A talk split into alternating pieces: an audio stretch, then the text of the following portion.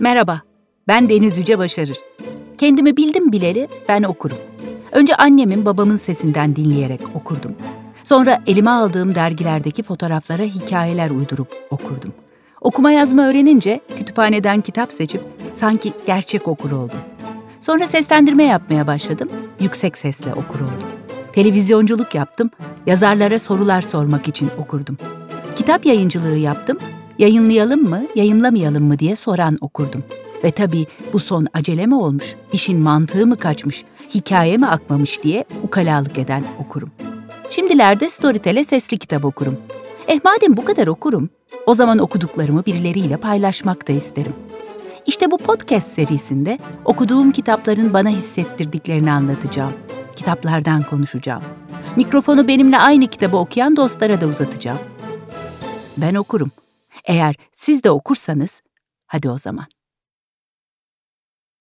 Yayanın evinde reçel imalatı çilekle başlardı. Turfanda çilekleri 21 Mayıs'ta babamın isim gününde yerdik. Zaten o ziyafet sofrası mevsimin ilk göbekli marulu, ilk salatalığı ve ilk çileğiyle baharı müjdeleyen bir turfanda sofrasıydı. Bir hafta sonra kokulu ufak çilekler boy gösterince bakır tencere raftan indirilir, reçel sezonu açılırdı. Çilekler önceleri Arnavutköy çileği vardı, yıllar sonra Ereğli çileği çıktı, sepetle satılırdı. Dar, uzun silindir biçiminde sepetlerle.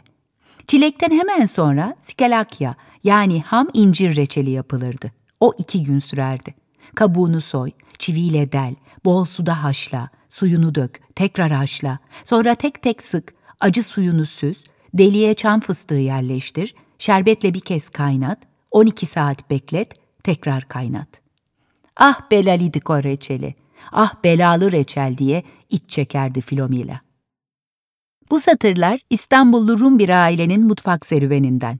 Yazarı Marianna Yarasimos, tat anılarıyla anıların tatlarının iç içe geçtiği bir hikaye diye tanımlıyor kitabı ilk cümlesinde. Bu tanıma kim vurulmaz? Kim vurulup da o kitabı hatmetmez? Ve kim o tariflerin cazibesine kapılıp hepsini pişirmek, o kimi zaman hüzünlü, çoğu zaman neşeli anıların izinde şöyle şölen gibi bir sofra kurmak istemez? Biz de bu çekime karşı koyamadık. Bir grup arkadaş bir pazar günü bizim evde toplandık. Aslında sanırım bizim mutfakta toplandık desek daha doğru olur.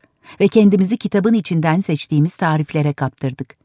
Doğrusu sadece tariflere de değil, kitapta anlatılan aileye, onların bu toprakların makus talihini bir kez daha insanın yüzüne vuran anılarına, göçlere, kayıplara ama her şeye rağmen zengin sofra ve sohbetlerine sahip çıkan o insanlara kaptırdık. Şu fotoğraf. Böyle çok tatlı bir adam. Şey yani böyle hani kalender, tatlı, iyi bir babaymış yani. Şöyle bir öyle bir izlenim uyandırmıyor mu insanı? Evet, munis bir adam Munis gibi bir duruyor. adam böyle çocuklarını seven bir adammış belli ki. Yani her zaman yumurta oda sıcaklığında olmak mecburiyetinde olur. Peki o zaman. Ailede bir de yumurta fetişisti var. Onu okudunuz mu? Evet. Müthiş bir amca o. Uzak amca. O da bak İngilizleri kafa kola alıyor. Onlardan yemek öğreniyor. O, e, müthiş badem ezmeleri yapıyor. Ve çok iyi bir pastacı oluyor ömrünün geri kalanında. Ve, ve fakat yumurta aşkı asla bitmiyor. İlk parayı yumurtadan kazanıyor adam. Hayatında ilk parayı. Şey değiş tokuş yapıyor. Bir çeşit barter yapıyor Tabii, değil tabii. mi? Yumurtalarla e, çalıştığı restorandaki bazı şeyleri e, dışarıdaki yumurtacılara veriyor. Yumurtaları da kendi alıyor. Marianna Yarasimos'un da İstanbul'da yaşayan hemen hemen herkes gibi ailesinin kökleri çeşitli bölgelere uzanıyor. Anne tarafında Girit'te var, Arnavutluk'ta. Baba tarafında ise Kayseri ve Ege'de bir adı olan Andros. Ve bu karışım anıları da yemekleri de zenginleştiriyor, çeşitlendiriyor. Herkesin buluştuğu, ortak kimliğine kavuştuğu yer elbette İstanbul. İstanbulluluk onları diğer bütün kimliklerinden sıyırıp hayatlarını biçimlendiren. Yerasimos ailesinin çeşitli fertlerini, özellikle onların mutfakla ilişkilerini çok tatlı bir dille anlatıyor Mariana Hanım. Okurken yayasının yani babaannesinin sesini duyar gibi oluyor. Abisiyle onun için kurulan kendiano yani ikindi kahvaltısı sofrasına oturup tikaniteslerine yani pişilerine ortak oluyor. Annenin çapkın yemeklerine çapkınca bir bakış atıyor. Babasının balık çorbasını pişirmek ve içmek için hemen kolları sıvamak istiyorsunuz. Anılar, tarifler kadar fotoğraflar da sizi aileden ve o günlerden biri kılıyor. Bir aile albümüne bakar gibi dalıyorsunuz yaşantılarından içeri. Ve o yarı Türkçe, yarı Rumca deyimler dilinize dolanıyor aniden. Belalidiko diyorsunuz, edepsiziko diye sesleniyorsunuz, meraklidiko olup çıkıyorsunuz. Ah Belalidiko! Görür görmez aldın değil mi kitabı?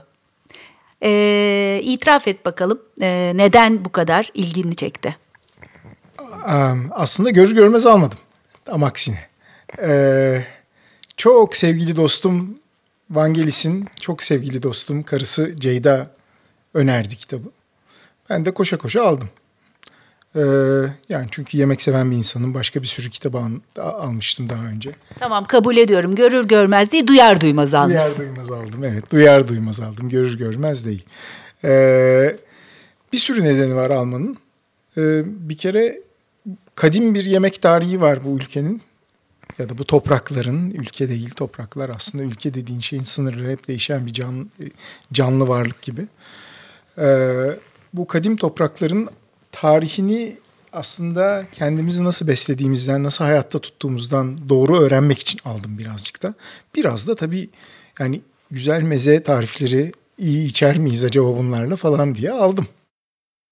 Perhiz tutmak her ne kadar nefsin terbiyesi, dünyevi ve midevi zevklerden uzaklaşmak anlamını taşıyorsa da yaya gibi dindar biri bile bazı lezzetlere sırt çevirmezdi. Peksimet ya da ekmek, turşu, haşlanmış ot, bakliyat ve zeytinle geçirdiği günlerin yanı sıra böyle perize diyecek yok dedirtecek havyarlı, balık yumurtalı, o zaman bu ürünlerin fiyatı astronomik değildi, sofralarda kurardı. Mükellef ama dini kurallara uygun sofralar. Bu sofraların sayısı bir elin parmağı kadardı. Karnını genellikle bulgur, mercimek ve nohutla doyururdu. Çünkü hepsi tok tutardı ve besleyici tahin hepsine pek yakışırdı. Birbirlerine benzeyen nohutlu ve mercimekli yemeklerden periz tutmak zorunda olmayanlara da cazip gelecek iki tarif seçtim. Salata niyetine yenilebilecek tahinli nohut ve misafir menüsünde bile yer almayı hak eden cevizli mercimek.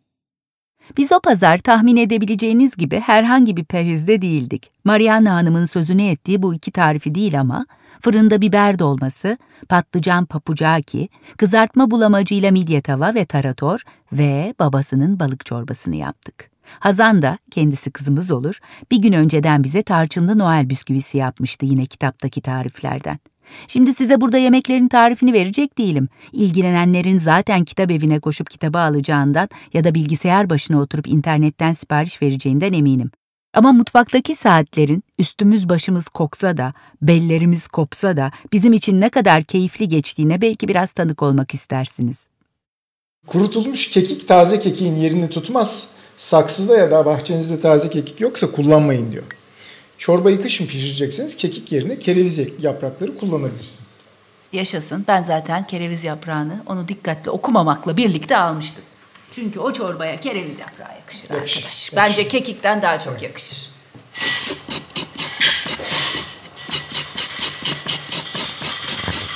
Ne kaldı? Şey, şey gibi. koydum, tarçını koydum. Ee, Şeker, tarçın. Şekeri koydum, tuzu koydum. Yeni bahar koydum. Koydum. Tamam başka bir şey yok. Yok. Denizciğim bu balıklar tuzluydu zaten değil mi? Benim buna tuz evet, gerek evet, yok. Evet, ben onları tuzladım. Fıstığı bol, fıstığı bol. Paraya kıydım paraya. 30 yerine 46 gram. Kaç para söylemiyorum fıstık. Geçen 3-5 kilo fıstık aldım, bankaya koydum ben. Peki midyeyi pilaki mi yapalım? Yoksa güzelce dedenin e, yok salma yapamayız çünkü salma için kabuklu midye lazım. Dedenin yaptığı e, kızartma bulamacına bulayıp taratorla mı yiyelim? vay. Şey, Başar bira, kesinlikle taratorlu ve kızartma ister. Biralı harcı diyorsun. Biralı harcı. Ben bir birayı dolaptan çıkarmamız lazım azıcık ısınsın.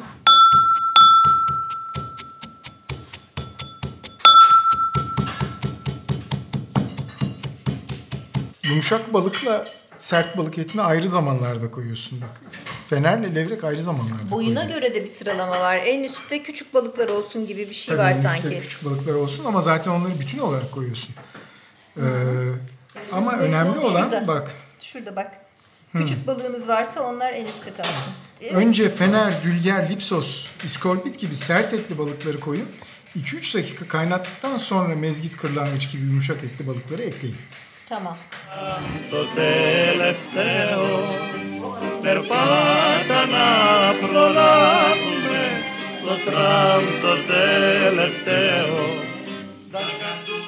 Evet, dolmaları dolduruyoruz. Bir yandan da dans ediyoruz. Tadam.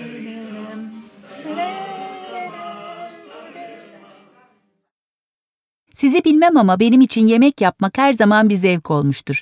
Hele böyle arkadaşlarla eğlenerek mutfağa girmek, sonra da hep birlikte aynı keyifle sofraya oturmak. Kitaptaki tariflerin hepsinin çok cazip olduğunu söylemiştim. Tutuyorlar mı derseniz?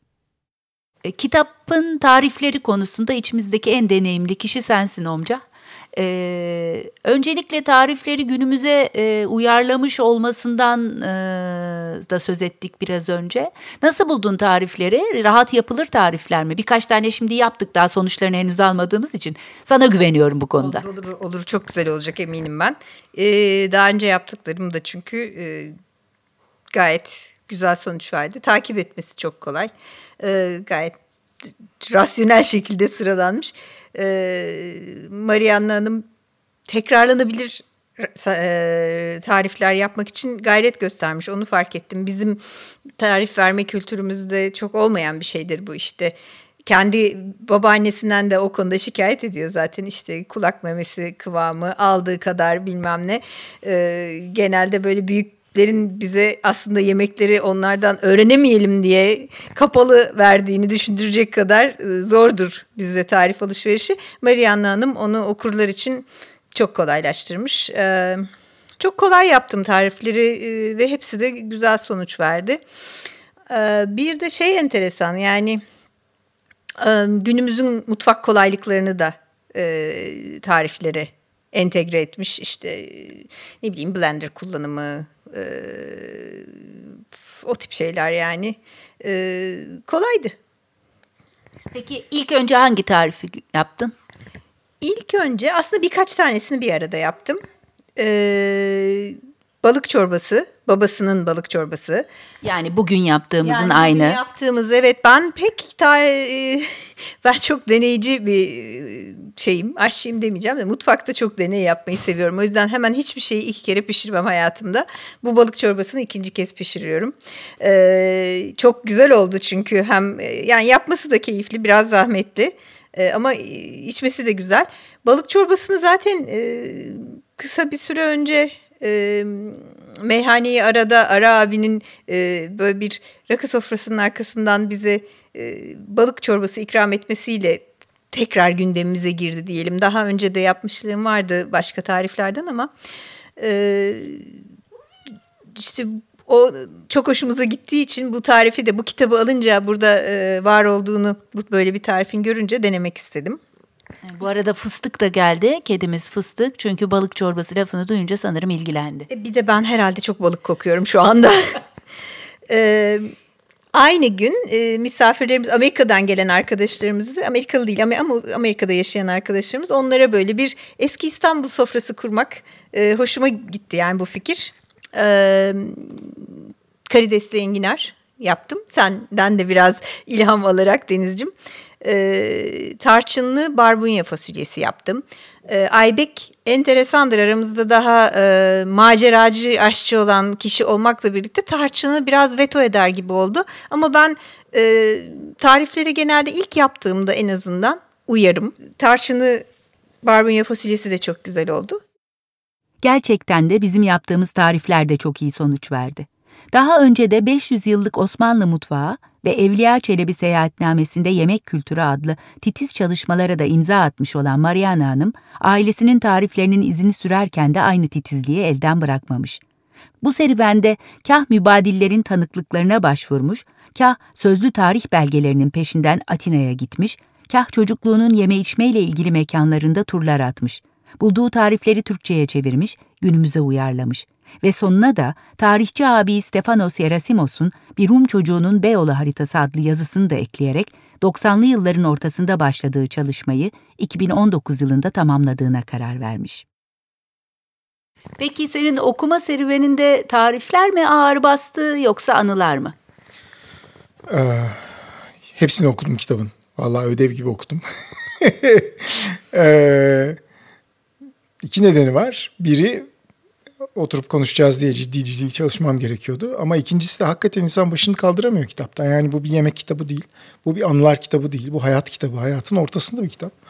Ee, o yüzden insan kendini alamıyor. Hepsini birden okudum. Çünkü anılarla yemekler ortaklar. Ve bizim bilmediğimiz bir sürü şey var. Çok iyi bildiğimiz bir sürü başka şey var. Bunların hepsini birlikte okumak çok önemliydi aslında. Ama tarifleri düzenli olarak yapacağım. Müthiş tarifler bir yandan da. Hakikaten her seferinde tutuyorlar. Kolay değil bu tarif, böylesine güzel tarif vermek. Köyden zeytinyağı, sabun ve bazen de şarap getirirdi. Zeytinyağı yenilemeyecek kadar ağır kokardı. Artık adada nefis zeytinyağları üretiliyor. Babaannem gece gündüz ikonaları aydınlatan kandilde yakardı. Sabunlar köpürmezdi, kimse kullanmazdı. Şarabın tadı çoğu zaman kekremsi olurdu, içilmezdi. Ama bunların hiçbiri önemli değildi. Vaso bizi, biz Vaso'yu gördüğümüz için sevinirdik.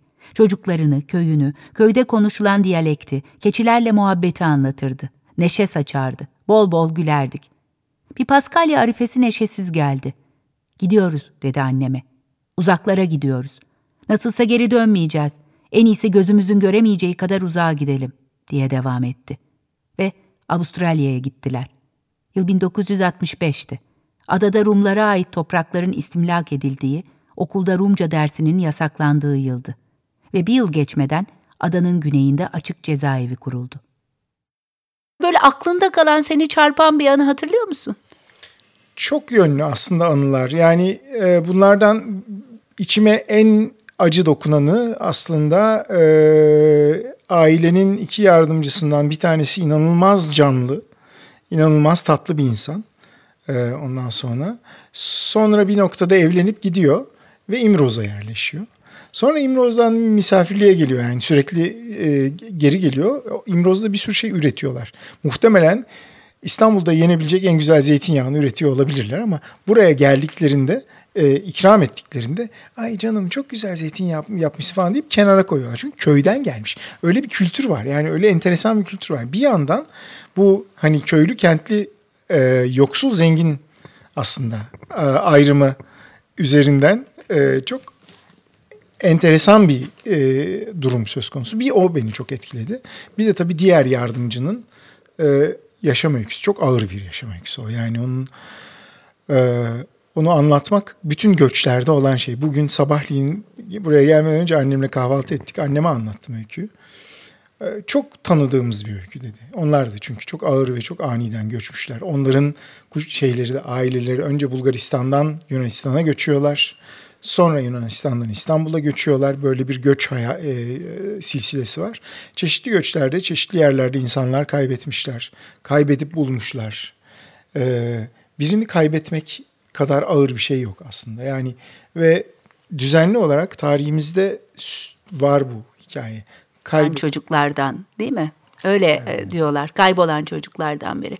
Ee, sana ben aslında şeyi de soracaktım gerçekten. Ee, azınlıkların e, bir zamanlar bu ülkedeki e, canlı yaşayışı, e, hepimizin içinde oluşu. Biz sonundan da olsa birazcık yakaladık o dönemi. Ama sonra göçleri, yok oluşları, bu ülkeden yavaş yavaş gidişleri de var. Bence kitapta bu da e, bayağı etkin olarak e, yer alıyor gibi geldi bana. Sana? Bu ülkedeki azınlık değil bilmiyorum sürekli olarak bir çoğunluk azınlık derdi ola gelmiş. Ve bu çoğunluk sürekli bir azınlığı ite, it, itmiş durmuş. Ee, birazcık da o yüzden hani zor da geliyor okurken hafifçe. Yani böyle bir anladığımız bir hali var işin. Ee, bu insanların güne, eğlencelere, çeşitli günlere birlikte olmaya falan bu kadar e, ciddi tutunmaların nedenlerinden biri de bu aslında. Yani birlikte durmak, birlikte olmak için. Yarın ne olacağı belli olmadığı için bugün içelim bari de ya da bugün yiyelim şunu da tadına varalım. Sonra yarın ne olursa düşünürüz gibi bir mantalite de var aslında. Ama bir yandan da şey çok acayip. Yani dursuz duraksız çok zahmetli şeyleri üretmeyi e, hiçbir şekilde kendilerinde zor, zul görmüyorlar. Yani hiçbir şeyi bırakmıyorlar. Yelkenleri suya indirmiyorlar. İstanbullu Rum bir ailenin mutfak serüveni, daha önce bilmediğim küçük bilgilerle ve yemek kültürüyle ilgili başka değerli kitaplara değinmesiyle de bana yeni ufuklar açtı doğrusu. Örneğin benim doğum günümde olan 6 Ağustos'un Hristiyan inanışında üzümün kilisede kutsandığı gün olduğunu öğrendim. Sofranız Şen olsun adında Ermeni mutfağından tarifler içeren bir kitaptan haberdar oldum. Anlayacağınız başka pazar günleri içinde malzeme toplayacağız biz şimdi. Yeni kitaplar, yeni tarifler, yeni anılar. Bu bölümün esas kızı İstanbullu Rum bir ailenin mutfak serüveni Yapı Kredi yayınlarından bu yılın yani 2019'un Nisan ayında çıktı. Hemen Temmuz ayında ikinci baskısında yapmış kitap. Benim elimdeki ikinci baskı örneğin. Umarım daha da çok baskıları olur. Kitabın içinde adı geçen Sofranız Şen Olsun'un yazarı Takuhi Tomasyan, yayın evi Aras Yayıncılık. Yarasimos'un diğer kitaplarından Evliya Çelebi Seyahatnamesi'nde yemek kültürü yine Yapı Kredi yayınlarına ait. 500 yıllık Osmanlı mutfağı ise Boyut Yayın grubundan. Bölüm konuklarımız koruganlardı. Aybek Korugan Boğaziçi Üniversitesi'nde doçent. Yok gastronomi bölümünde değil, endüstri mühendisliği bölümünde. Omca Korugan ise endüstri mühendisliğinin üzerine felsefe master'ı yapmış bir çevirmen. Kitapların üzerinde ya da künyesinde adına dikkat edin bence. Arkadaşım diye söylemiyorum, tanıdığım en iyi çevirmenlerden biridir. Bir ders gibi aslında bir yandan da. Yani yeni azınlıklara eski azınlıkların hikayeleri bir ders olmalı herhalde diye düşünüyorum. Evet, ben okurum şimdilik bitiyor. Ama malum okuma serüvenimiz hiç bitmiyor. Bana kitap önerilerinizi yazmak isterseniz e-posta adresim benokurum2020@gmail.com ve son sözü yine İstanbullu bir Rum ailenin mutfak serüvenine bırakıyoruz. Yataklardan, odalardan, evlerden, bahçelerden çocuklar fırlardı sokağa. Şakir amca beyaz giysili, hasır şapkalı saymaya başlardı. Çikolata, kaymak, çilek, limon ya da çikolata, kaymak, vişne, kavun. Bunlar sadece dondurma çeşitleri değildi. Bir renkler ve tatlar şöleniydi. Hele o kavun hepsinden, hepsinden öteydi.''